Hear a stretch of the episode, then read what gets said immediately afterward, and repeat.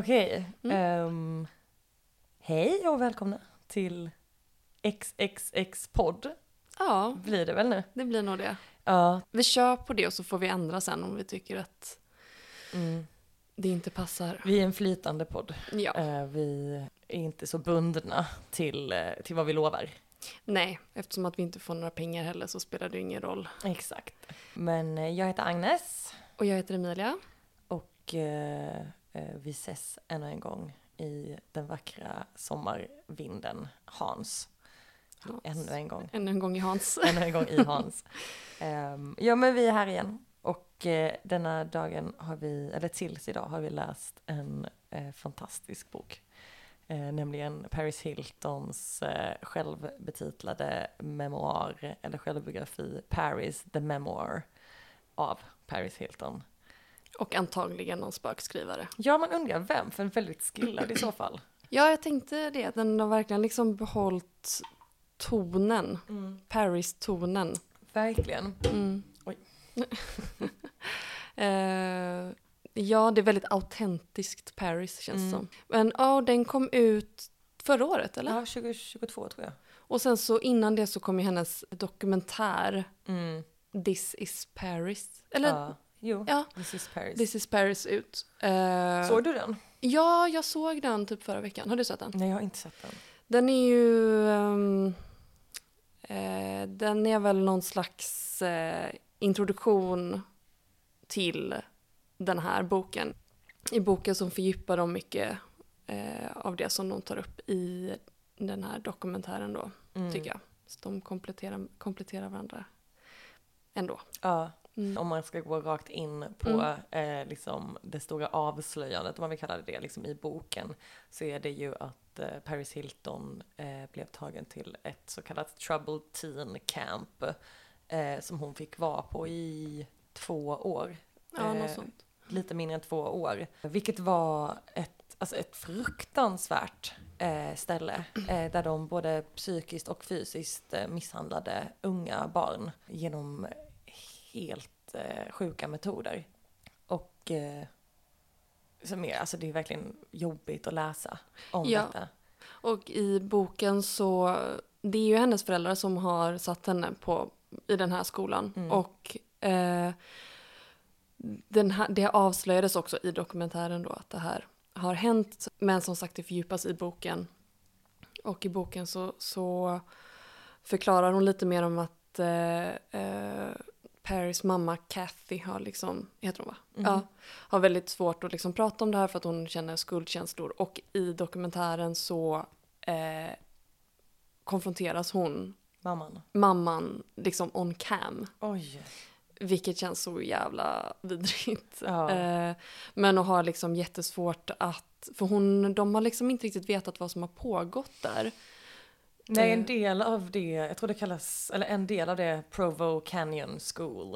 Eh, Ja, Sea-Doo. Och att det, som det beskrivs i boken så är det liksom skapat av någon slags eh, eh, konspirationsteoretiker som sen kunnat använda det här för att eh, utnyttja ett system där liksom legitimerade psykologer och eh, eh, kommunalråd och skolpengar kan gås till den här skolan. Eh, och de lyckas tjäna extremt mycket och det riktas extra mycket mot eh, eh, rika människor som då betalar höga, höga summor för att eh, sätta sina barn här. Och de blir meddelade bland annat liksom att eh, om, om ditt barn säger att de blir misshandlade här eller om de säger att det här händer eh, så är det bara ditt barn som ljuger för att det är så um, korrupt att det Mm. bara försöker komma härifrån. Så lita inte på något vad de säger.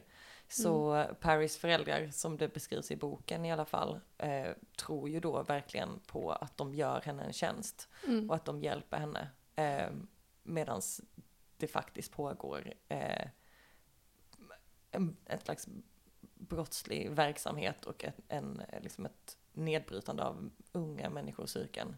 Väldigt unga människor som är liksom också i en formbar del, alltså deras hjärnor Mm. är ju väldigt formbara då och i- eftersom att de flesta också är quote troubled så kanske de också behöver en viss sorts liksom, uppmärksamhet Mm. där de behöver bli hjälpta och bli liksom blir behandlade precis tvärtom. Att de, ehm, ja men som du säger, de, det beskrivs att de blir både liksom psykiskt och fysiskt och sexuellt nedbrutna. Mm.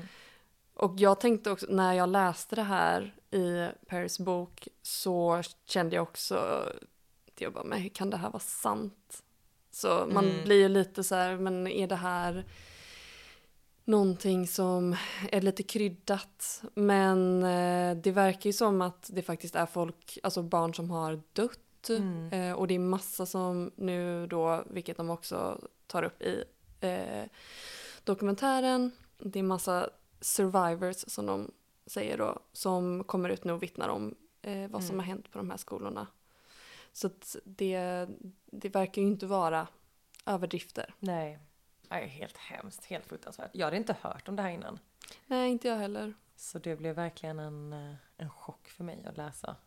Ja, Ehm, och det är mycket, jag tänker att man kanske ska, mm, eh, alla vet väl vem Paris Hilton är, men man kanske Mm. ändå ska ge en introduktion på något sätt. Vad är din relation till Paris? Alltså min, jag har inte en jättestark relation till Paris. Eh, jag tror att jag är lite för ung för att vara med i den mest extrema svängen. Hon kanske var som störst runt 2001, 2002, något sånt. Och då var jag ju 6-7 år gammal. Mm. Ehm, men samtidigt så var hon absolut en stor del av min uppväxt. För hon var ju kvar i skvallerpressen och i mediautrymmet lång tid efter det. Eh, som samma eh, karaktär, alltså som den här partypinglan och eh, skandalprinsessan. Eh, kanske klipper bort det här men jag minns att jag tyckte att hon var så fruktansvärt ful. Att jag bara, jag fattar inte hur hon kan vara känd. Jag tror att våra år mellan oss är ganska avgörande i just den åldern också. Mm. Ja, för jag känner att jag ändå har en väldigt stark relation till Paris Hilton. Och precis som du säger, när jag växte upp så det var ju, jag var ju precis i rätt tid för liksom The Simple Life. Eh, läste, jag hade en kompis, Filippa, som fick hem alla skvallertidningar för att hennes pappa jobbade med eh, typ klockor tror jag. Ja. Perfekt eh, samman. Ja, eh, vi, vi eh, eh, läste liksom all skvallerpress. Mm. Eh, både online och i liksom tidningar, Se och Hör, Hänt Bild, Hänt Extra, alla. Och Paris Hilton, jag älskar liksom Paris Hilton och Nicole Richie. Eh, och de var ju ja, men skandalösa liksom och väldigt så här fuck-offiga liksom. Sen så tycker jag, om man ska liksom sammanfatta hennes eh, karriär också så var det väl i början, hon har ju varit modell men det är inte därför hon riktigt har varit känd eh, utan hon har ju varit eh, skandalomsusad på massa olika sätt eh, och sen så känns det som att hon har varit lite i skymundan. Hon har ju DJat och vet att, jag vet att hon har varit resident på något, någon klubb, säkert svinkänd klubb på Ibiza. Mm. Och sen nu så är det väl det här lite hennes Comeback. comeback Ja. med typ Y2K eh, och så. Ja, exakt. Hon kommer i ropet igen med, med det. Men också då med att hon gör någon slags eh, eh, Rebrand. rebrand, att det här liksom baby-voicen är borta. Mm. Eh, och samtidigt så är hon ju fortfarande Paris. På många Ja. sätt och vis. Tycker det är väldigt spännande att hon inte har bytt stil. Mm. Att hon har samma kläder Mm. på sig typ som hon hade då. Det är liksom velvet track, velour track pants, eller Ja. tracksuit och... eh, Bedazzled everything. Ja, Hon och har ju- chihuahuorna. Och chihuahuorna. Hon har ju verkligen ett, ett väldigt tydligt brand. Alltså för hon Mm. är ju ett varumärke. Exakt. Hon lever ju ut efter det varumärket Mm. och odlar det på väldigt genomtänkta och smarta sätt. Ingenting hon gör är ju ogenomtänkt eller on a whim. Mm. Utan det är ju faktiskt, alltså om man ska tänka på nu både med boken och med dokumentären så är det ju en marknadsföringsstrategi. Exakt. Men det är väldigt intressant. Ja. Ja, exakt. Så vi är glada att hon är tillbaka. Ja. Ehm, att hon eh, är sig själv. Mm. Eller om hon nu är det, Ja. det vet man ju inte. Nej. Hon kan ju komma om några år igen och säga att eh, that wasn't true, this is my true voice. Ska vi, ja, jag vet inte hur mycket man ska säga om själva boken. Jag tänkte att man skulle kanske kunna läsa den där prologen, eh, eller en del av den, för att få liksom en känsla av eh, hur det låter. Den här som jag skickade till Ja, dig. Eh, jag kan läsa en eh, bit av den. Den är väldigt bra. Ehm, det är också att man vill läsa den med hennes röst typ. mm, mm. Ehm, man hör ju den i huvudet konstant när man läser den här boken. Mm. Eh, Men så här låter det. Dr. Edward Hallowell, author of... Kolla det går liksom inte att inte göra det. är så... Author of Driven to Distraction says that the ADHD brain is like a Ferrari with bicycle brakes. Powerful but difficult to control. My ADHD makes me lose my phone, but it also makes me who I am. So, if I'm going to love my life, I have to love my ADHD. And I do love my life. It's June 2022, and I'm having one of the, my best weeks ever. My friend Christina Aguilera, my neighbor, invited me to be one of her top secret special guests at LA Pride. And as my crew moved my DJ equipment out the door, I was so nervous and excited. I left the house without my shoes and showed up at a backstage trailer in a tank shirt, velour track pants, and socks. Which was even more embarrassing when I accidentally went into the wrong dressing room. Ja. Ja. Jag ska lägga till ett annat citat från boken här. Some of us have discovered that ADHD is our superpower.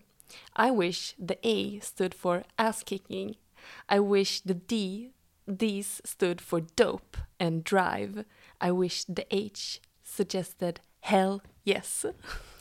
Jag har också skrivit ner det citatet. Jag, eh, ja.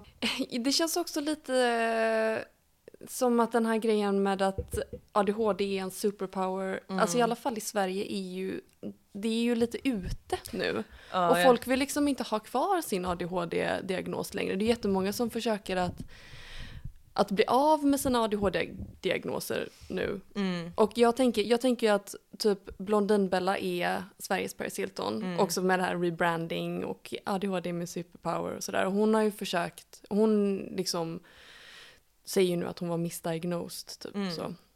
Ja, exakt. Och jag skrev det här också att jag tänkte för, först, eh, eller att jag först tänkte prata om Paris Hilton och hennes ADHD. Mm. För att jag har tänkt så mycket på just ADHD och för att det då tar en så, alltså det tar ändå en ganska stor plats i boken.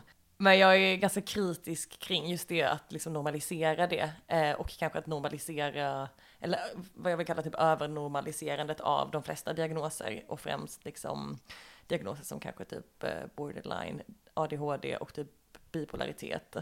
Ehm, och det känns som att eh, i vår vilja att normalisera typ mental ohälsa och diverse diagnoser så har många liksom gått lite för långt i att typ branda det och blivit lite för banala med vad man kopplar till olika diagnoser. Eh, det är typ som att ADHD har blivit den nya så eh, horoskopgäri-grejen. Mm. Eller var det i alla fall. Eh, och jag tror att det kanske, som du säger, att det börjar bli lite ute i Sverige, men vi är lite fashion forward. För det känns som att det fortfarande är väldigt inne i USA. Ja, och amerikaner har inte heller någon, de vet inte vad skillnaden mellan ADHD och ADD är. Nej. Alltså de har inte, det är bara någon slags skimrande typ diagnos som alla hiphoppare har typ. Mm. Ja, exakt. Och mycket av det man ser, eller som jag har fått upp på Instagram, för att den har fått för sig att jag har ADHD, så jag får någon slags eh, riktad algoritm kring det. Är inte, liksom- inte rätt. Exakt, det kanske bara är att jag har ADHD. Du vet, ibland så är det ju så att de säger att algoritmerna förstår vilken diagnos man har innan man har den för att de ser vad man googlar på. Oh, wow, men jag har inte googlat ADHD ens. Just saying. Jaha, men jag menar att jag googlar typ så. Varför kan jag inte sitta still? Varför är jag så himla smart? Varför tänker jag outside the box hela tiden? Ja, det är verkligen motsatsen till jag i och för sig. Men det mycket jag ser på Instagram är ju så eh, eh, signs that you have ADHD eh, that you didn't know were ADHD. Not wanting to touch people for too long. Needing to reload after a night out with your friends. Att man bara säger, men det här är liksom tecken Det är på att det var en människa. Ja, Eh, och att folk, eh, man ser så här kommentarer under av eh, mycket, mycket unga tjejer Mm. eh, i, de, i de kommentarsfälten som får någon slags eh, uppenbarelse av att de då också är undiagnosed med den här eh, sjukdomen. Mm.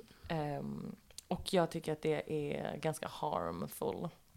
Eh, Ja, absolut. Särskilt, alltså för en sak, det är ju en sak när man, precis som du säger, alltså horoskop och astrologi, så här, fine, det, det skadar väl ingen förutom de som måste lyssna på det. Mm. Men att det blir diag- eller ha, få en ADHD-diagnos och sen kanske bli medicinerad, alltså det är en helt annan, det är en, det är en helt annan apparatur kring det. Ja, exakt. Och jag tror också att det är... Det beror ju också på vem som blir eh, ansiktet utåt för ADHD. Mm. Eh, och till exempel nu så har jag ju fått upp väldigt mycket kring ett ADHD-par på Ja, du har visat som jag har visat dig. Åh, det är så... Där det är en, jag tror de är australienare. Mm. Eh, de heter typ Tara and Barry. Och detta är en, eh, de gör mycket så, how to take care of your ADHD partner.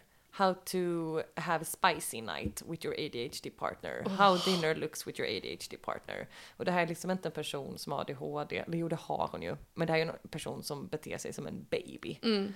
Ehm, och som är typ så What? Where's my spoon? Och att hennes kille tittar på henne och bara She's so, crazy! Det är ju väldigt mycket att han har ställt upp en citattecken Ja, dold ja. kamera. Och att han ska komma, hon sitter typ framför tvn eller eh, framför sin iPad eller någonting Mm. som en toddler. Och att han ska komma fram och så fråga henne grejer eller ge henne saker typ. Mm. Det var någon som är så här, när man beställer sin ADHD comfort food, för att man då tydligen när man har ADHD bara kan äta en viss typ av saker. Eh, och så har de beställt då det som är hennes comfort food. Eh, och så har det då slutat vara hennes comfort food. Och hon bara, nej det här var inte gott längre. Man Mm. bara, men du är en picky eater. En unik, helt unik människa Ja. verkligen. Det är ju lite jante. Mm. Alltså vi är ju lite jante och jag är gärna det. Alltså, men i USA så är det så himla, där har man liksom ett helt annat sätt att tänka på kring uniqueness. Mm. Eh, och om man kritiserar de här diagnoserna där så är det kanske eh, en, alltså höjs kanske det röstar på ett ännu mer liksom det här sättet att okej men ni vill bara inte se att de här människorna är på riktigt unika för att Mm. ni är så basic eller ni är, Ja. ja, förstår du vad jag menar?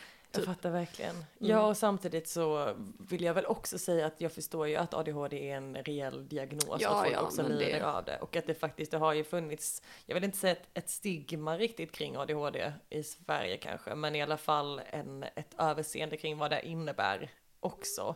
Och framförallt just kring diagnostisering av unga flickor, Mm. eller av tjejer och kvinnor. Självklart. Ja. Och det har funnits otillräckliga resurser i skolan och man har sett folk med, eh, eller elever med ADHD med andra barn som har helt andra behov Mm. och det har blivit fel och folk har liksom hamnat efter i sin undervisning så det är klart att det är ett skitstort problem men det är inte ett stort problem för eh, en vuxen Paris Hilton som har en stab på 30 personer som tar hand om henne. Mm.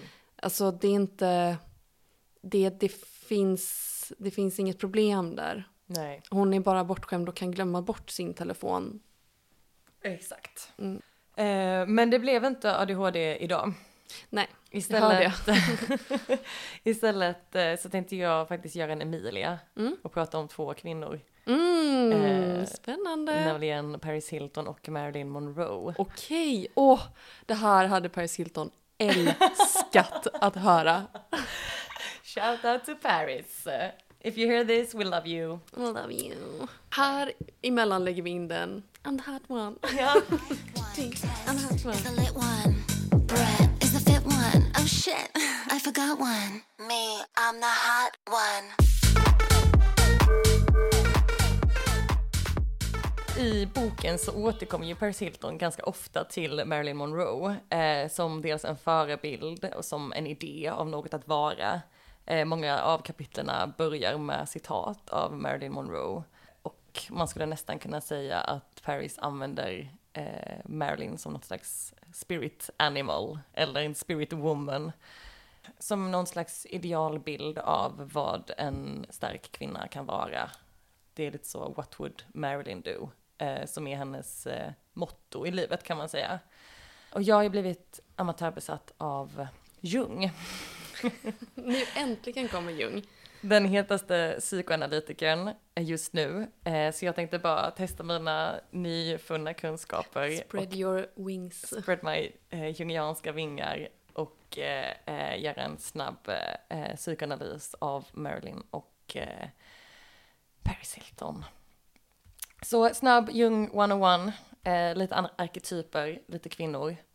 Eh, tänkte att jag går igenom lite för den som inte vet. Att, Jag eh, missade den eh, lektionen på eh, gymnasiet. nu var du ute och eh, rökte och skolkade. Mm, säkert.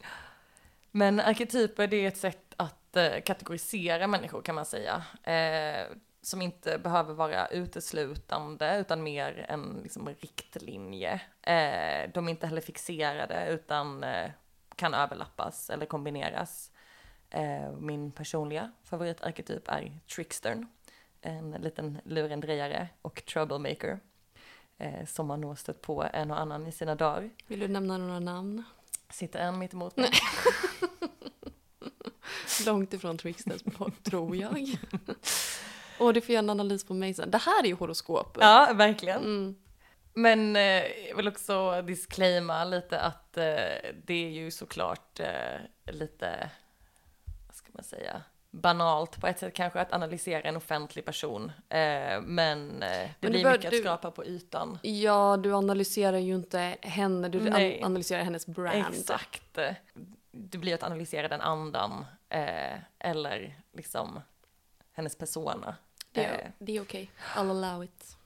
Eh, till varje arketyp, eller till varje människa, finns det också skuggsidan. Eh, Men, förlåt, men hur många arketyper finns det då? det finns lite olika, man brukar eh, säga att det finns ungefär 12 stycken. Mm. Eh, som är liksom de, the main ones.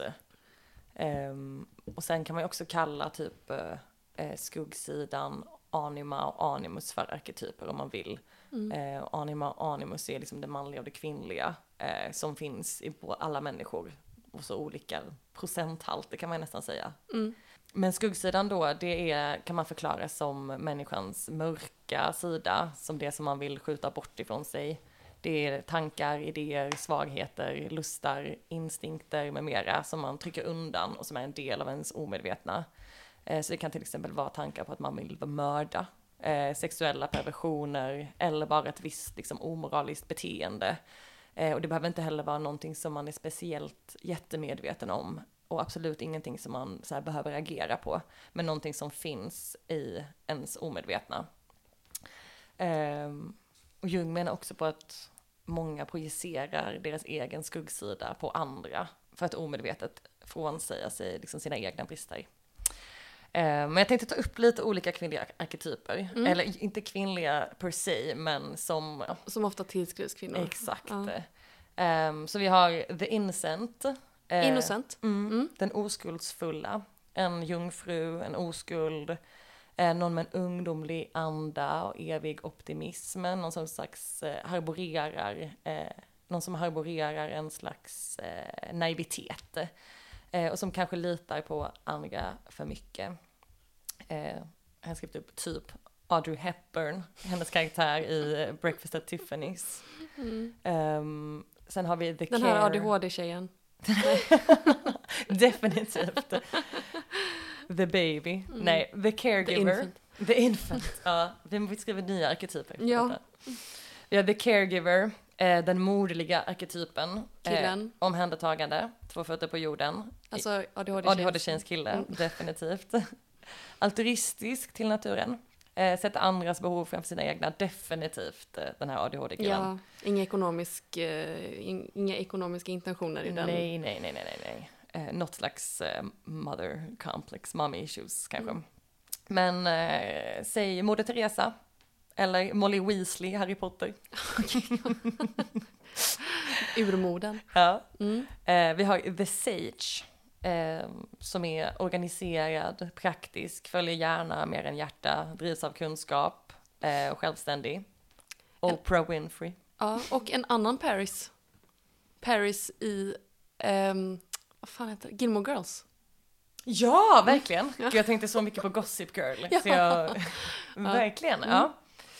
Eh, och slutligen då, The Lover, eller älskaren, som man här då kan placera Marilyn i. Eh, det är den kvinnliga arketypen som främst är representerad i media. Eh, det är kvinnan som en potentiell älskare, någon sensuell och närvarande. Eh, hon är säker på sig själv och har en kroppskontroll, men också en kontroll över sin kropp som något sexuellt. Hon är inbjudande och på grund av att hon är i kontakt med sin sexualitet blir hon magnetisk för andra. Men ses den här älskaren, Mm. ses den som liksom en femme fatale, alltså någon som, eller som en man-eater, eller mer som bara en sensuell kvinna? Alltså det beror ju på i vilken eh, livsera eller världsera man befinner sig i kanske. Men jag skulle nog säga mer som en femme fatale eller en Don Juan liksom. Ehm, och eh, till den här älskaren så finns ju då älskarens skuggsida. Eh, och här kan man säga att den är överdrivet överseende, kanske för liberal. Eh, lever i nuet, men tänker för lite på konsekvenserna av hennes eget beteende. Eh, hon kan börja bingea, eh, spendera för mycket pengar, äta för mycket, dricka för mycket eller ägna sig åt promiscuous behavior. Tänkte en slampa. Mm. Till den grad då att hennes självförtroende och eller relationer blir lidande. Och på många sätt eh, eh, så kan man ju säga att Paris Hilton passar in i arketypen älskarens skuggsida. Eh, det är den offentliga bilden av henne som är en bortskämd rikemansdotter, en partyflicka utan konsekvenstänk, som dricker, knarkar, är sexuellt promiskuös, eh, har en sextape ute. Det kanske också kan beskrivas som att vara 21 år gammal. Eh, Ja. Med undantaget att de flesta ungdomar inte blottas för hela världen på samma Nej. sätt som hon gjorde. Ska vi bara ta det också, just det här med sextejpet tar hon ju Mm. upp i eh, både i boken och i dokumentären. Och jag, eh, nej men jag fick, alltså jag grät. För att det är så eh, vidrigt. Och jag vet att jag har typ skämtat om det, Mm. One Night in Paris Ja. liksom. Och att, ehm, nej men bara fruk helt jävla fruktansvärt att bli utsatt för det. Och jag är väldigt glad över att vi liksom nu börjar, eh, Pamela Anderson har ju också gått ut Mm. med liksom och berättat historien om hu- hur det var kring hennes sextape. Ja, och och att det är, Kim Kardashian också. ja har hon? Ja. Ja. alltså och shade where shade is due. Mm. Lite. Det är inte, Verkligen. det är inte kvinnorna som ska ha någon shade för detta. Liksom. Nej, absolut inte. Men med det sagt så var det också så världen såg henne eh, när den Ja. släpptes. Mm. Eh, och att det också passade in i det brandet som hon hade skapat på Mm. många sätt. eh, Mm. Eh, och vad hon stod för. Och att hon var redan stämplad som en, en slampa. Eh, och detta blev bara vatten på allas kvarn helt Mm. enkelt. Ja, men med det sagt så måste man kanske också prata om idén persona, som också Jung pratar om. Eh, masken vi bär, eller snarare kanske hur vi uppträder och presenterar oss i världen. Hur vi ses och uppfattas och förstås. Eh, och på många sätt har Paris plats och uppträder som älskarens skugga, eh, enligt mig då, här är mitt scoop, skapat en ny arketyp som jag i sann Paris Hilton-anda vill kalla the hot one. Ja. Eh, det handlar om att omfamna sin egen skugga och att helt enkelt kapita- kapitalisera på den för resten av sitt liv. Ehm, att bli skuggan och göra det till the main character. Mm. Istället för att låta det vara något eh, förtryckt och omedvetet. Och en annan som gör nästan exakt detta är min eh, celebrity crush, eller internet celebrity crush och nyligen författarsensation Caroline Calloway. Just det. Eh, någon som jag kanske vill prata mer om i ett annat avsnitt. Gärna det. Men för att snabbt recappa så är hon ju en amerikansk tjej som är känd för att vara totalt, totalt kaotisk, en scammer och samtidigt vara helt magnetisk och omöjligt att sluta bry sig om. Ett slags fenomen. Hon är mest känd för att hon köpte massa följare när hon gick på Cambridge. Eh, hon fick ett bokkontrakt till följd av hennes Instagram captions som hon skrev. Hon var liksom först i sitt slag med att skriva enormt långa. Istället för att folk liksom la upp en bild på en tekopp och skrev tea time. Mm. Ehm, Så hon fick den på grund av dem och då idén som, eller det var ju på den tiden då folk inte visste att man riktigt kunde köpa Instagram-följare. Hon hade Mm. köpt flera hundratals tror jag, eller tiotusentals. Hund, hundratusentals. Hundratusentals eller tiotusentals. Hon bröt bokkontraktet eh, som hon redan fått ett sexsiffrigt förskott på, då snackar vi amerikanska dollar. Eh, hon blev outad av sin före detta bästis Natalie som publicerade artikeln I was Caroline Calloway i The Cut där hon menade på att hon hade spökskrivit Caroline Calloways alla Instagram captions. Och där började ett stort liksom, war. Dagen efter den publiceras så tar eh, Calloways pappa livet av sig efter en lång tid av eh, schizofreni, tror jag det var, i alla fall mental ohälsa. Eh, Calloway har under den här tiden också sagt att hon led av ett Adderall addiction. Mm. Eh, så hon var inte på the best place. Gör inte alla amerikanska college-studenter det? Lider av det? Jo, det är lite som ADHD. Ja. Adderall är ADHD-medicin också? Ja. ja. Det är tjack typ. Ja, Ja. exakt. Okej. Hon börjar då eh, bli känd som scammer efter att hon säljer workshops, creative workshops, eh, som det inte finns någon plats att ha. Eh, hon beställer en massa så här mason jars som hon inte har någon plats att ha eller som alla ska få. Så hela hennes lägenhet, etta, blir helt fylld av dem. Eh, och hon måste ställa in alla workshops för hon liksom inte har plats att ha alla de här mason jarsen. Hon blir skyldig folk väldigt mycket pengar. Men det Ehm, där det är en ursäkt för att hon har tagit förskottsbetalning på någonting, eller? Ja, det är att hon försöker betala tillbaka det här nu.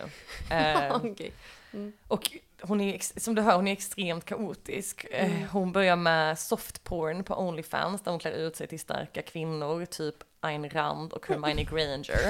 Eh, där hon visar brösten för otroligt mycket pengar. Eh, hon började sälja en eh, liksom facial oil för 65 dollar per 50 centiliter. Eh, som hon kallade för snake oil. Eh, och har då sen blivit anmäld eh, för detta. Eh, för att den tydligen, om jag minns rätt, att den skulle vara liksom farlig. Mhm. Ehm, att det är bara att hon gick och köpte typ såhär rose oil, alltså blandade massa oljor. Och Mm. att ehm, folk reagerade rent, alltså huden Mm. fick utslag. Mm. Ehm, mycket mer passerade. Eh, hon har nu äntligen betalat tillbaka sin skuld till sitt före detta förlag och själv publicerat sin debutroman Scammer som har fått raging reviews, kallas för ett mästerverk och Caroline Calloway kallas nu av vissa för the Eve Babbitts of the 21st Nej. century. Long story short så skriver Caroline i denna bok att, och citat, Listen, if you never had any scandals, my, my advice would be to continue to have none. But if you've had one, have as many more as you can. It's the Kardashian Trumpian information overload fatigue. There's a point where people can't retain enough information of to remember every little scandal. Whereas if you have one scandal, people remember and it defines you. Absolut sant. Mm. Det är ju precis så det funkar. Och också att inte typ be om ursäkt. Mm. Och på många sätt så tänker jag att eh, Caroline Calloway liksom tagit över den här stafettpinnen från Paris Hilton. Eh, som är urmodern till eh, det här tankesättet. Ja, och inte, nu pratar hon om, om scandals, men det är liksom inte bara scandals, utan det är också ohederligt leverne, att man luras, att man beter sig omoraliskt, Mm. inte bara för att man gör bort sig på fyllan, utan ja, men till exempel gör en business scam Mm. eller försöker att eh, förhindra hela det amerikanska eh, valsystemet. Ja. Alltså det är inte bara scandals utan det är ju verkligen ett eh, ohederligt leverne. Mm. Exakt. Så eh, en person att inspireras av. Eh, Men om vi går tillbaka till Marilyn och Paris så har ju de båda blivit stämplade som dumma blondiner. Eh, Marilyn då som den första av alla kanske. Att få verkligen den eh, stämpeln på sig. Båda två har även tagit den publika personan som promiskuösa och kapitaliserat på den. Ett sätt att även bryta på den konstiga dikotomin snygg och smart. Eh, Marilyn tröttnade på att typecastas och startade sitt eget produktionsbolag, eh, Marilyn Monroe Productions. Paris har patenterat termen sliving, en hopsättning mellan orden living och slaying. Eh, Ja, men Och det här trycker hon ju väldigt mycket på i boken Ja. för att hon har ju eh, copyrightat den. exakt. Mm. Och, men hon är också, får man ju lägga till, en stor entreprenör. Eh, vilket framkommer i boken. Extrem. Ja, Eh, hon driver ju ett eh, eller flera företag eh, och är ambassadör för andra företag eh, och är igång. Alltså hon skryter ju väldigt mycket med hur många dagar om året hon flyger. Till exempel, jag tror det är typ 250 av 365 dagar. innan corona. Ja, Sen kom corona och så träffade hon sin man. Exakt. Eh, men jag vill också, alltså mycket av Paris Hiltons framgång är också baserad på, eller möjlig på grund av liksom hennes privilegierade bakgrund. Eh, så jag vill ju också på något sätt ta ifrån henne eh, hennes skryt lite. Ja. Och bara hur mycket av det här hade varit möjligt om du inte hade a small loan of 100 000 dollars. Liksom. Exakt. ja, Och sen så självklart så kan man ju förlora alla sina pengar om man kommer från en rik bakgrund. absolut. Men jag kommer också ta upp det lite sen, men jag tycker, för hon trycker ju på det ganska mycket i boken att hon minsann inte kommer från pengar på det Mm. sättet som alla tror. Men jag tycker det är väldigt luddigt Ja. allt det där. Att hennes föräldrar byggde upp sin, sina företag från grunden, men Mm. det är ju fortfarande Hilton. Exakt. Ja, och det är väl kanske också eh, tanken på att få tillhöra lite the American dream, att man har byggt Mm. sig själv. Eh, vilket Monroe gjorde. Eh, hon kom från en tuff uppväxt, var ett barn som växte upp på barnhem och diverse fosterfamiljer. Vilket visserligen av vissa menas på vara delvis påhittat eller överdrivna för att skapa bilden och personan Marilyn Monroe som det var väldigt ofta var för skådespelare på den tiden. Ehm, och Paris kanske också vill passa in i den bilden och skapa eh, utan av att själv vara en self-made woman. Vilket faktiskt inte är sant. Eh, men trots allt detta i slutändan, om man bortser från Paris rebrand, eh, så är Paris horan och Marilyn är absolut inte madonnan, men i alla fall sexsymbolen. Ehm, Paris skriver i sin bok I was carried by a tide of empowerment. It rose up under me as women of all ages grew weary of the way we'd been dismissed. Now I was working hard to shed my skin and leave behind the character with the baby voice. I wanted to be the woman Marilyn never had the chance to evolve into. It girl gone influencer. Otroligt starkt slut Otroligt på ett starkt. bra citat Mm.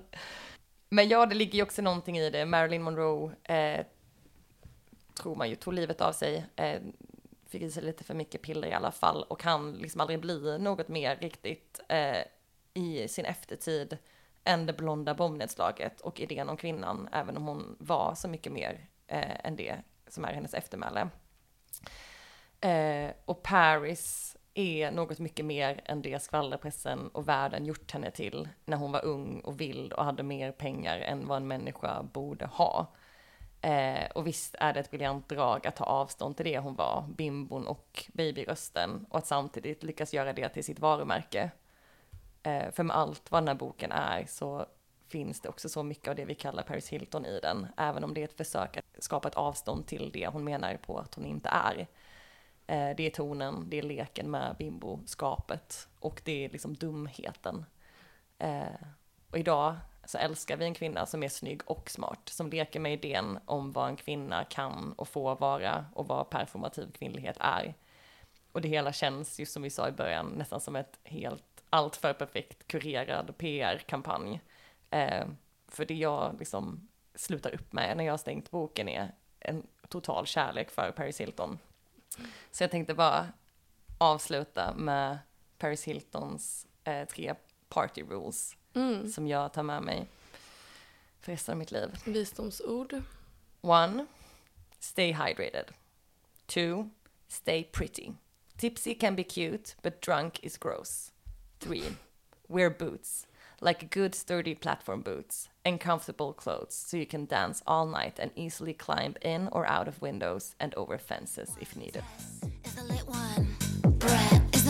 One. Oh shit, I forgot one. Me, I'm the hot one.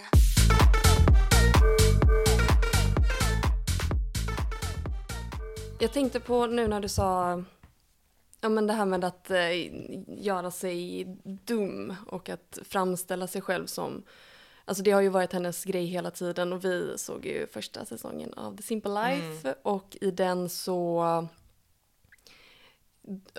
hon spelar ju en roll precis som hon gör i riktiga livet också. Ja. Men då koketterar hon med att hon inte vet vad Walmart är Mm. och hon säger att hon all, de måste städa och hon säger oh, I've never cleaned my life, what's this?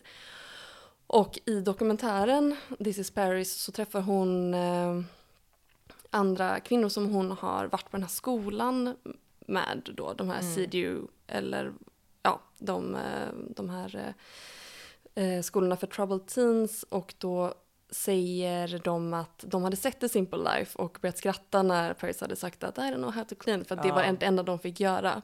Men jag skrattade högt när jag läste den här, det här citatet i, i Paris-boken. Och det här är från när de var på den här skolan då. Mm. Someone came to inspect the room and let us go to breakfast, which was some kind of greyish hot cereal. Och jag bara, ah, det är gröt.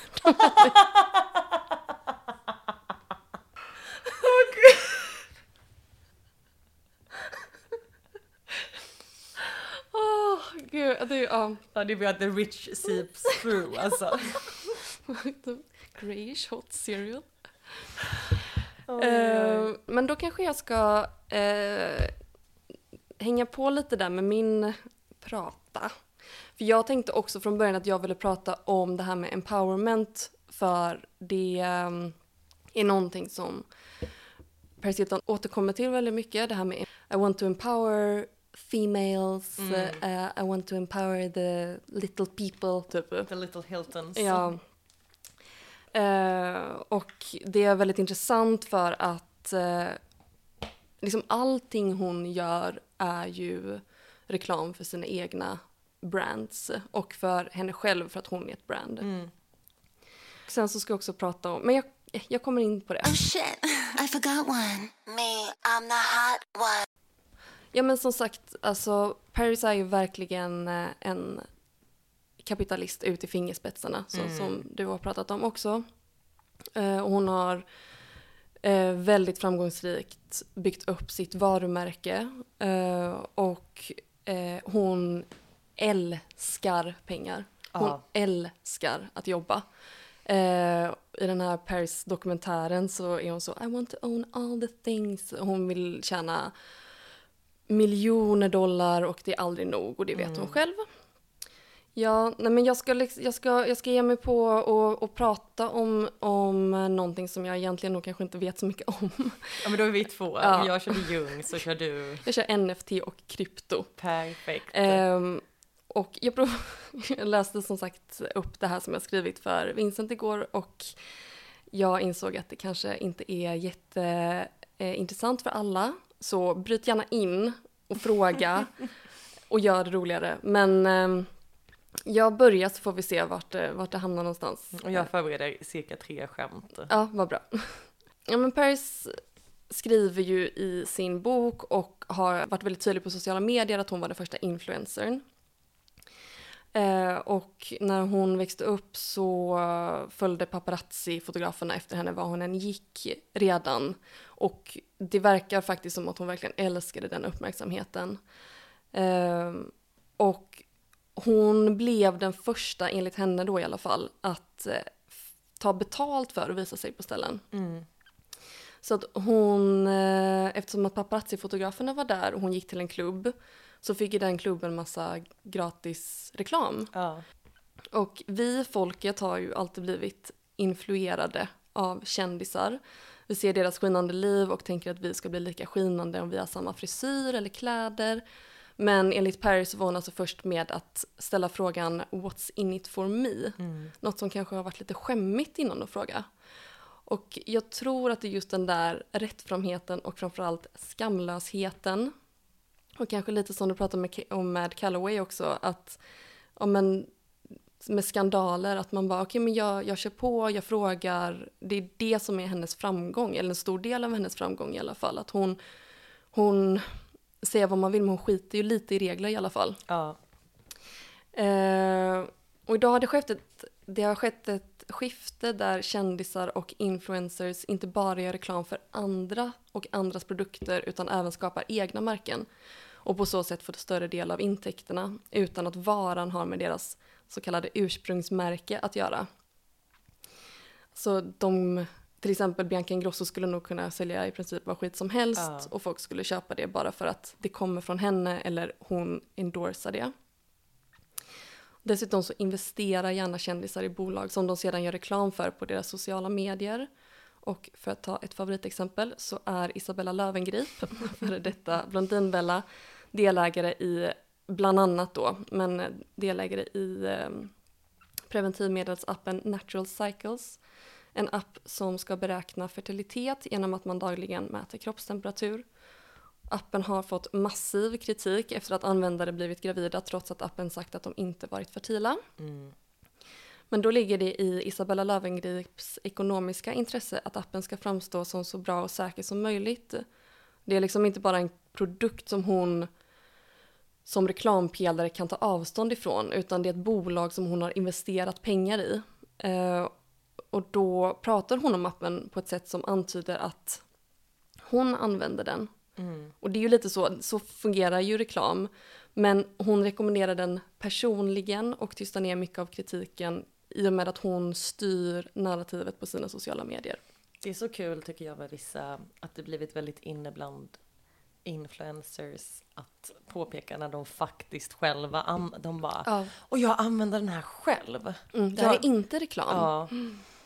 Ja, och det är just det att genom sociala medier så har livet blivit så sammankopplat med reklam att vi som eh, betraktare nog har ganska svårt att förstå vad som egentligen är reklam och var de ekonomiska intressena egentligen ligger. och för att jag tror att det är så svårt att förstå hur mycket en influencer får betalt för olika samarbeten. När man Mm. inte vet vad lönen är så vet man inte heller hur mycket de investerar i att göra reklam för det. Eh, och att det också blir svårt för den, den, den lilla människan Mm. att eh, weed out vad som är vad. Mm. Ja, och kanske särskilt, nu ska jag inte prata om det så mycket, men kanske särskilt med en sån app som den här fertilitetsappen då, för att den är ju någonting som man ska använda varje dag. Den, det, är ju väldigt, det är en väldigt stor del av, det är inte bara en byxa som man Nej. kan prova att köpa och sen slänga bort, utan det är en väldigt viktig del utav, utav ens liv. Ehm, mm.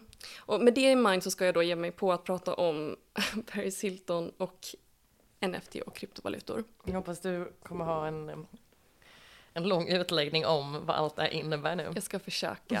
För jag vet ju inte heller. Och om jag säger fel, jag kommer att säga fel. Och då kan ju de som lyssnar se till då så kan väl jag rätta. Men jag försöker bara förstå vad det är som pågår. Ja. Amandus, du kan skriva till mig Men då sen. har du redan gjort en mer kulpa innan nu. Ja. Så. Exakt. Ni ignorerar allt jag säger bara. Um, jo, men jag reagerade lite på det här, eller ganska mycket på det här med att hon nämner NFT ganska mycket i, i boken. Den här kom ju ut då förra året, men i slutet av förra året så stämdes en hel drös kändisar, däribland Paris Hilton, eh, för eh, en NFT-härva. Mm. Jag ska förklara den lite sen, men enligt stämningsansökan så står det i alla fall så här. A class action lawsuit filed in December alleges Hilton, Fallon, alltså Jimmy Fallon, and other celebrities, bland annat Justin Bieber, eh, conspired in a vast scheme to artificially inflate the price of Bored Ape NFTs. Ja. And enrich themselves. The crypto payments company they used to get the apes, MoonPay, and the company that made Bored Apes, Yuga Labs, skriver CNN. Men är Bored Apes liksom en bild? Ja, alltså Bored, Bored Apes, det här är lite rörigt. eh, men Bored Apes är en eh, slags NFT-kreatör som gör Bored Ape Yacht Club apor. Det finns 10 000 Bored Apes. Jag kan visa hur de ser ut. Snälla. Eh, de är fruktansvärt fula. Ja men jag känner igen de här, det är nästan lite Paul Frank, fast det är inte det alls, men det är liksom, Lite gorillas typ. ja jag känner igen det jättemycket. Mm. Ja. Och det ska finnas 10 000 av de här då. Och det är väldigt viktigt att det just är 10 000 för att det är en, änd, en eh, så kallad ändlig resurs. Men eh, jo, det här Bored Apes, det är de bilderna. Och sen så finns det Moonpay. Det är plattformen där man köper och säljer Bored Apes. Och det ägs av samma personer liksom. Har du någon koll på, typ, på kryptovaluta? Alltså jag har hört talas om bitcoin. Mm. Det finns olika kryptovalutor. Och som sagt, jag är ingen expert heller. Men det finns olika kryptovalutor. Bitcoin var ju den första. Den största nu, tror jag i alla fall, eller det verkar som det är ethereum. Och de här, Gud, det låter som det här äh, mineralen de försöker äh, få tag på i Avatar. Unobtainium. unobtainium, det är säkert, det är säkert nästa kryptovaluta, jag lovar. Uh, NFTs är kopplade till den här kryptovalutan ethereum för att de är på samma blockchain. Blockchain är en verifiering, en kedja där man kan eh, digitalt då kan liksom kolla och verifiera alla ägarförhållanden. Så att om du går och köper en, eh, du köper en Bored Ape Mm. eh, med dina ethereums, då kan jag gå in och kolla hur mycket du har betalat för den. Så allting är öppet, eller det ska vara öppet. Ja.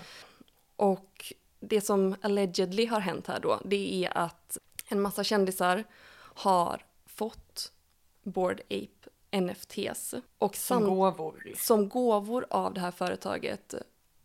Och vissa verkar också ha investerat i Moonpay, den här plattformen. Mm. De gör reklam för det här på ett sätt som eh, de, där de säger att det här är framtiden, alla ska bli rika, köp det här. Eh, grejen är att när de gör det så, ju fler som köper, desto rika kommer, rikare kommer de själva bli. Jag kommer in mer på det sen. Ehm, men det här med blockchain, eh, eller det här med kryptovaluta är också vilda västern. För att vem som helst kan skapa en ny valuta och detta har lett till en uppsjö av falska valutor och profeter som predikar oändlig rikedom för de som vågar satsa tidigt. Vissa av dessa valutor blir som en religion. Nästan alla de här valutorna och NFTs har någon slags predikande typ diskurs kring sig. Mm. Ehm, en så kallad kryptovaluta som är ganska intressant hette OneCoin och den marknadsfördes på ett sätt som gav intrycket av att den kunde rädda folk ur fattigdom med väldigt aggressiv marknadsföring i bland annat Uganda och i Sverige där man riktar in sig på äldre. Bara man vågade satsa tidigt så kunde man bli hur rik som helst. Vi alla har ju hört om de som var tidiga på bitcoins och Ja. blev miljonärer. Så att man spelar liksom på folks rädsla för att miss out. Mm. Och närmare 3 miljoner personer investerade i OneCoin Jävlar. som visade sig vara ett ponzi-bedrägeri. Den var helt utan fungerande blockchain. De hade en hemsida där man kunde se sina investeringar växa och växa och växa men allt var bara bluff. Och ponzi-bedrägeri är då ett, ett, en form av investeringsbedrägeri som utlovar hög avkastning men som istället för att generera verklig avkastning använder intäkterna från nya användare till betalningar för de gamla användarna då. Och för att på så sätt hålla bedrägeriet igång. Och det som är så sorgligt är att de som investerade i det här, de har, fick sina nära och kära att investera för att de var så övertygade om att det här var en bra deal. För att de såg ju på nätet att Det växte. det växte bara. Men eh, när de skulle plocka ut pengarna så fanns det ju ingenting. Tänk när det kommer fram att Avanza också är där. Jag vet, alltså det här tänker jag på hela tiden. Jag kommer till det också, att liksom hela... Världen är en skam.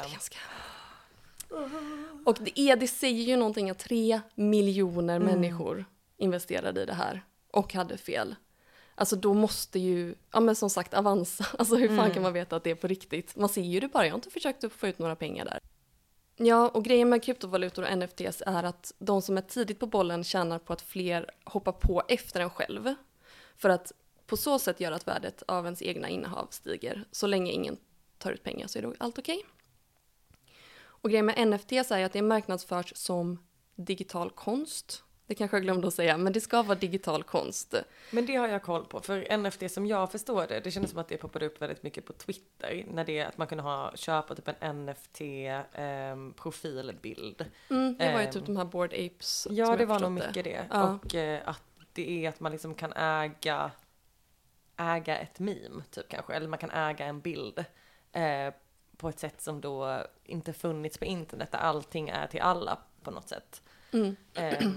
Vilket försökt kanske minskas med olika copyright claims och kanske också med på YouTube till exempel att de eh, Universal Studios och sånt kan direkt claima om någon typ börjar nynna på någonting som ens Mm. låter som en låt och att detta var liksom ett sätt att kunna kapitalisera på, på konst. Ja men det känns ju verkligen som en framtidsgrej Mm. just för att man inte heller förstår det för att man känner sig som en farmor vars barnbarn försöker förklara typ Snapchat för en. Ja, absolut. Och det är ju det de vinner väldigt mycket på. Mm. Att man, man förstår inte riktigt vad det är.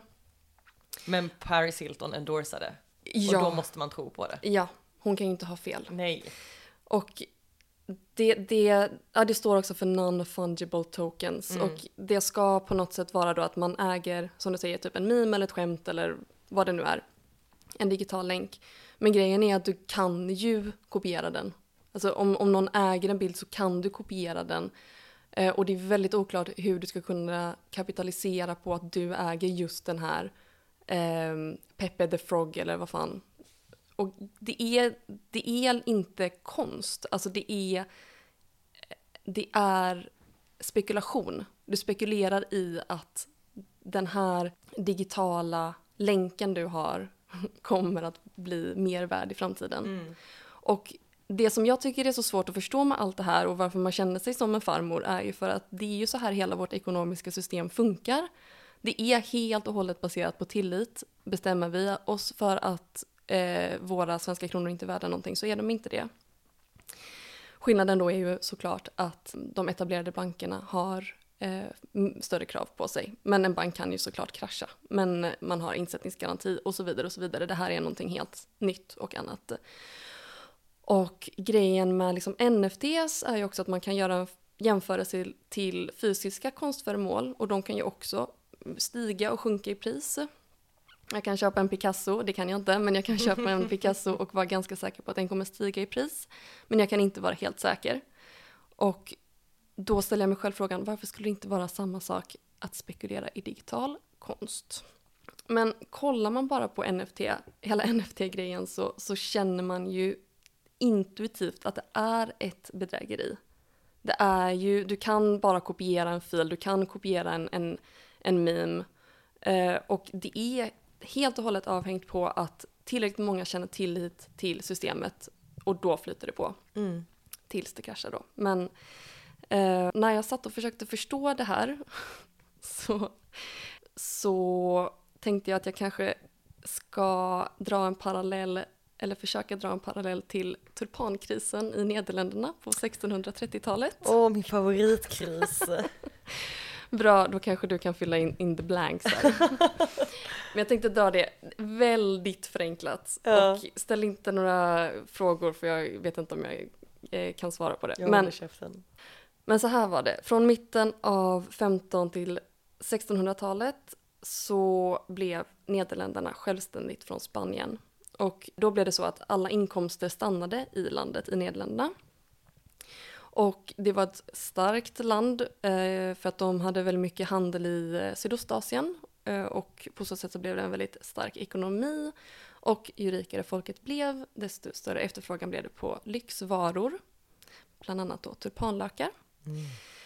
Och folk som hade pengar köpte på tulpanlökar. Och genom Eh, en ny sak som man kallade för handel med terminer, som var helt revolutionerande då, då kunde man köpa lökar när de fortfarande låg i jorden. Och det gör de under vinterhalvåret då. Och just den saken, handel med terminer, var en, en nödvändig, eh, eller en nödvändighet för tulpanmannens utveckling eftersom att dess höjdpunkt och krasch var under vintersäsongen då. Och de mest populära tulpanerna var de med vita färgskiftningar och den här terminshandeln gjorde att lökarna kunde byta ägare utan att fysiskt byta hand. Man fick genom dessa köp rätten, men inte skyldigheten tydligen, att köpa tulpanlökarna till ett över- överenskommet pris. Ehm, Okej, så man behövde inte köpa trots att man hade nej, liksom terminköpt dem? Nej. Man köpte de här papperna och hoppades på att man sen skulle sälja, så kunna sälja dem vidare. Mm.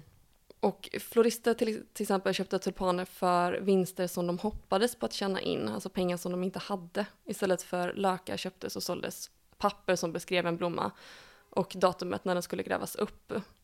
Och det var de här papperna som man, som man köpte och sålde. Och för att dra en parallell, parallell så är det ungefär på samma sätt som man gör nu när man spekulerar på en NFT. Att den kan stiga i pris på pappret men du får bara igen pengarna om du hittar en köpare som är villig att betala det Mm. uppskattade priset.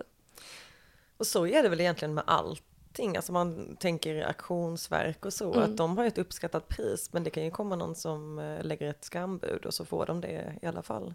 Ja, ja visst. Ja. Och så är det, är ju det som blir lite svårt att förstå varför NFT skulle vara så dåligt för att det är lite så här det funkar hela tiden. Mm. Men jag kommer till varför det är så jävla kast sen. Ehm, och då blev det i alla fall så att priserna trissades upp mer och mer genom den här terminshandeln och 1936, nej förlåt, 1636 så steg priset på tulpaner lavinartat för att i februari 1637 helt krascha. Och på en auktion så var det helt plötsligt ingen som ville eller kunde köpa tulpanerna längre. Priserna hade gått upp så mycket i pris att de som redan var inne hade spekulerat långt över sina tillgångar. Och då står det så här, begränsad tillgång och stor efterfrågan var ingredienserna i tulpanmanin. Och det finns såklart väldigt många skillnader mellan tulpaner och NFTs mellan idag och 1600-talet. Men även NFTs är avhängt på en synbar begränsad tillgång. Man kan, med skillnaden att det går att skapa fler NFTs på ett långt mer oreglerat sätt än med tulpanlökar. Det, skulle, det ska då till exempel finnas 10 000 Bored Apes. Men, Det kan, man kan ju bara göra nya. ja. Och det är ingen som säger att det inte kommer hända eller att man kommer kringgå det genom att göra special edition eller så. Grejen här är ju att Paris Hilton och andra kändisar säger till folk att investera. De säger till folk att de är dumma om de inte investerar i det här. Det här är framtiden. Om man inte hoppar på nu så kan man, så kan man, eh, så, så kommer man stå där dum liksom. Som sagt, det är inte konsten i sig som är viktigt här utan det är spekulationen och chansen att bli jävligt rik. Eh, och jag vill bara visa dig en NFT som Paris Hilton har gjort och sålt, visserligen för välgörenhet, men det här är alltså hennes första egna NFT-konst Mhm. som hon har gjort. Du ska få förklara för, för läsarna vad det är du ser. Ja, för, för lyssnarna vad det är du ser.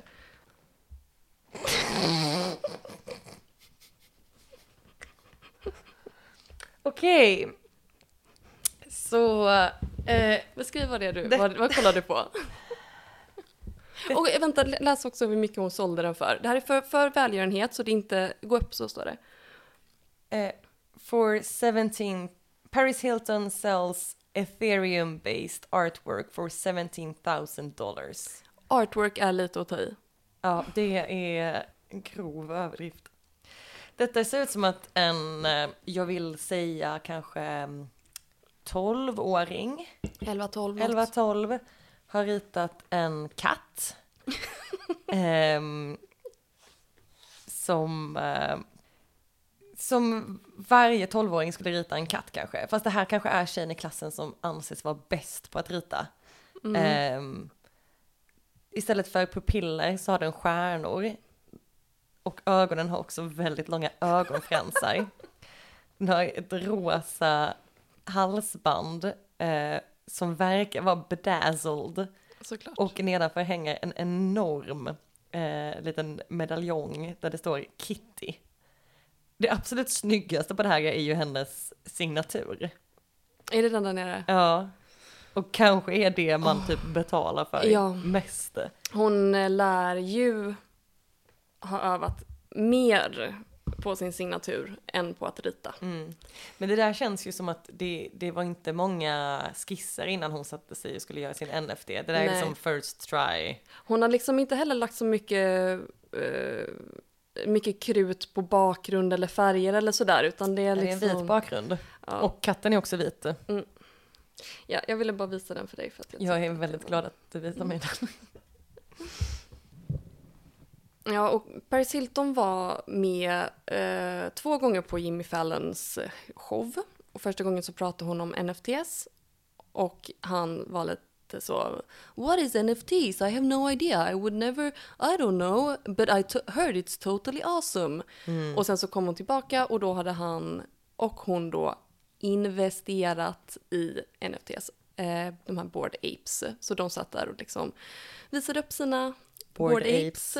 Och det klippet är helt sinnessjukt. Eh, det är så cringeigt så att man, jag kan liksom typ inte ens spela upp det för att det var, ja, hemskt är det.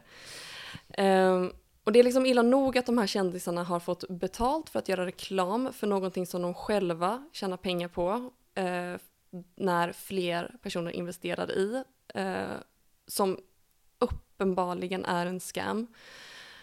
Men det hela ursäktas dessutom med någon slags altruistisk tanke som gör att kändisarna egentligen är goda som investerare i NFTs och krypto.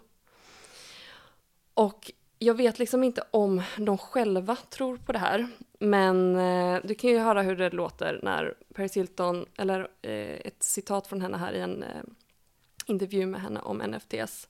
Eh, och den artikeln har rubriken I'm obsessed, Paris Hilton on NFTs, empowering female creators and the future of art.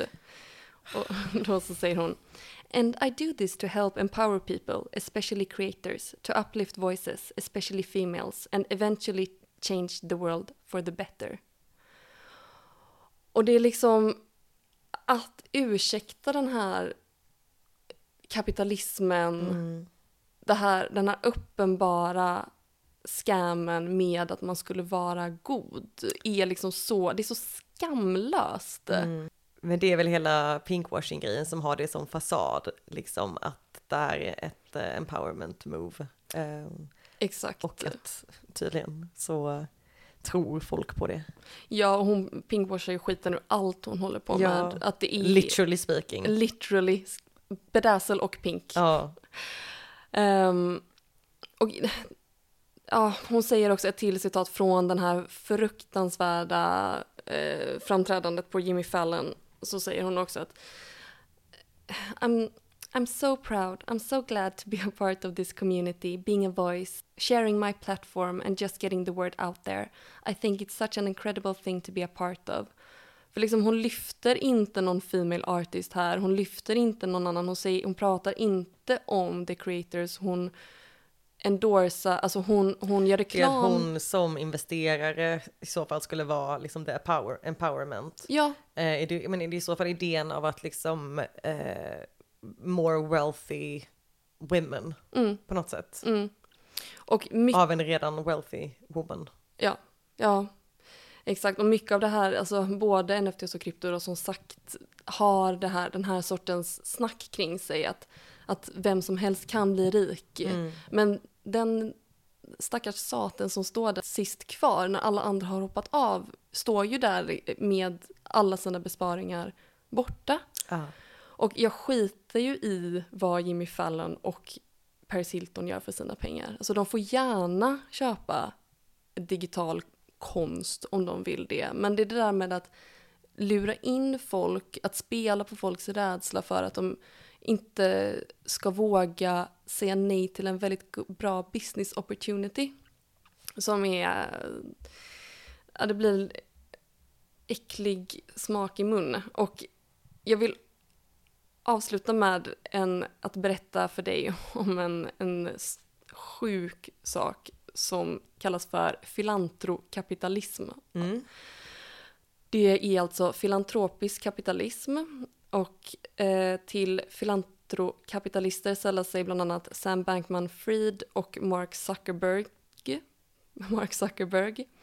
Och det går i princip ut på att tjäna så mycket pengar som möjligt för att kunna skänka jättemycket pengar. Vad tycker vi om det? Det låter väl helt falskt. Det är så amerikanskt. Ja. Alltså att, att i ett välfärdssystem, det amerikanska välfärdssystemet som är totalt urvattnat, att man istället ska vända sig till de här privata aktörerna och att man ska ha, det blir, visst tjäna pengar, tjäna pengar men håll inte på att låtsas som Himla. att du ska, Nej. och många av de här också, de, de här, den här kapitalistiska tanken att tjäna så mycket pengar, de själva organisationerna, själva det man tjänar pengar på, skapar massa problem. Alltså eh, klimatförändringar eller Silicon Valley som har eh, där man inte kan bo längre eller Och att det bygger fortfarande på idén av att, av att man ska tjäna pengar och att man ska ha extremt mycket pengar. Och jag tror att de flesta som tänker på Mark Zuckerberg tänker väl inte heller på hans välfärdsarbete eller välgörenhetsarbete utan snarare på att han är en extremt, extremt rik man och jag vill också vara det kanske. Mm. Ja.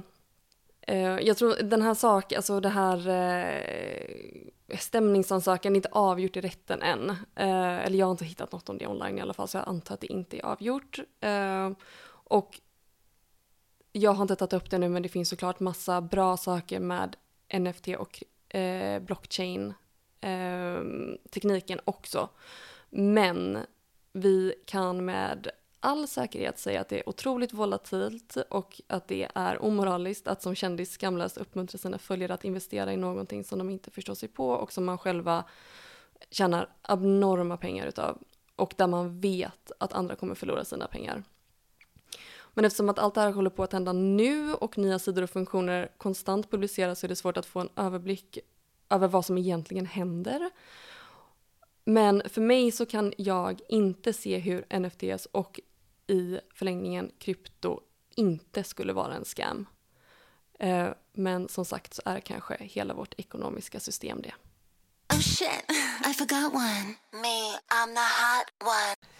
Men det är kul att komma in i det här rummet och känna att man har lärt sig någonting nytt. Ja, tack. Ja. Detsamma. Ja, Men eh, vad eh, förstod man det? Är det någonting som du undrar över med eh, det Alltså här? jag tänker att halva grejen med NFT är att man inte ska förstå det riktigt och samma Mm. sak med kryptovaluta, att man ska få en, en vag hint om vad det egentligen är och förstå Mm. att det finns någonting som du liksom, allt det här du tar upp, att det finns liksom eh, idén om rikedom. Men jobbar du inte på Wall Street, gammal referens kanske nu, men så är det inte meningen Jobbar du att du ska Avanza? fatta. Men exakt, jobbar du inte på Avanza så ska du inte fatta det riktigt. Eh, för det är liksom, det är hela grejen. Sen så tror jag också, jag för mig att det har i alla fall semi-kraschat med NFTs. Men när man går in på till exempel här Paris Hiltons hemsida och så, så står det ju ingenting om det. Och det finns väldigt många, alltså bara att googla funkar inte. Alltså då, då kommer man in på de här sidorna där folk eh, hyllar Mm. NFTs och, och krypto. För att det är så det funkar. Och den här som jag pratar om, OneCoin, den där tre miljoner blev lurade, alltså där de fick jättemycket kritik och blev avslöjade men folk fortsatte att investera för att det ligger i hela den uppbyggnaden kring företaget eller företaget att, um, att de är outsiders och de dumma jävlarna som inte investerar de förstår sig inte på det. Och jag tycker att det är många som man pratar om pratar med när man pratar med så bros som kanske gillar den här sortens Mm. ny teknik och get rich fast tänket, de har ju mycket den framtoningen också att man är för dum för att förstå. Ja. Och sedan så, ja jag har tjänat, jag har tjänat 200 000 nu. Och sen så nästa dag så har allt Försvunnit. försvunnit men det pratar de inte lika mycket om såklart. Men då kanske jag får eh, dra tillbaka vad jag sa innan och istället eh, säga att Paris Hilton är en klassisk trickster. En trickster, ja men det, det känns det ju som faktiskt. Mm. Men vad har du för känsla för Paris Hilton nu efter allt? allt inte efter den här Efter pratan, nej, men, men efter, eh, efter den här djupdykningen i hennes liv. Men jag har nog lite mer, jag vill inte säga att jag har någon mer respekt för henne, för jag har inget behov av att ge henne någon respekt, men jag har en större förståelse av eh, eh, vem hon är och vad hon var. Jag tyckte, nu har vi inte tagit upp det alls, men jag tyckte det var väldigt speciellt eh, och spännande att läsa om hennes, eh, hur hon liksom blivit lärd kring sex i sin uppväxt. Och att det har varit väldigt så här kon konservativ uppväxt, eh, där hon klagar väldigt mycket på att hon aldrig blev Ingen pratade med henne om sex, hon blev väldigt liksom um, um, shunned eh, när hon kanske kysste män. Hon blev väldigt utnyttjad också, hon var ju med om väldigt traumatiska saker när det kom just till sex. Och fick också en väldigt eh, eh, skev bild av typ vad sex är. Som jag tyckte var väldigt eh, intressant att läsa och ta med mig. Eh, just för att hon är sedd som en så himla, ett sexuellt objekt av världen. Eh, och att det kanske var en, eh, alltså det är ju alltid lite förkastligt att läsa en, en sån här självbiografi. Man får ju verkligen ta det med en nypa salt. Ehm, Mm. Men det är ändå, det, det är någonting sjukt. Alltså hela den perioden som hon var med om, som hon skapade, hon kallar ju sig själv för the first influencer. Eh, och allt det, alltså det är ju verkligen en skamfläck i vår historia. Mm. Eh, på något sätt. Alltså hur vi har skapat den här kändiskulturen och hur vi Mm. har liksom eh, jagat och förstört unga kvinnor. Mm. Eh, Jag tror också att hon säger det själv någonstans, jag kommer inte ihåg vart det var, men det kanske var i dokumentären, att hon får frågan Does it feel like you created a monster? Just i den, det avseendet med sociala medier och influerandet och så. Och att hon säger att ja, det känns det som. Men samtidigt hade nog sociala medier kommit oavsett henne och jag tror att hade inte Paris Hilton funnits så hade det funnits någon annan som hade tagit den rollen på ett eller annat sätt. Allt går Ja. oundvikligen åt helvete. Ja, med det sagt. Ja. Jag vill prata mer. Nej. Med det sagt så säger vi tack för idag och vi säger That's hot. That's hot. Du Hej då är så Emilia. bra på att härma henne. Hej då! That's what I like. We got Brett, she the fun one. Chad, he the hung one. Sage, they the shy one.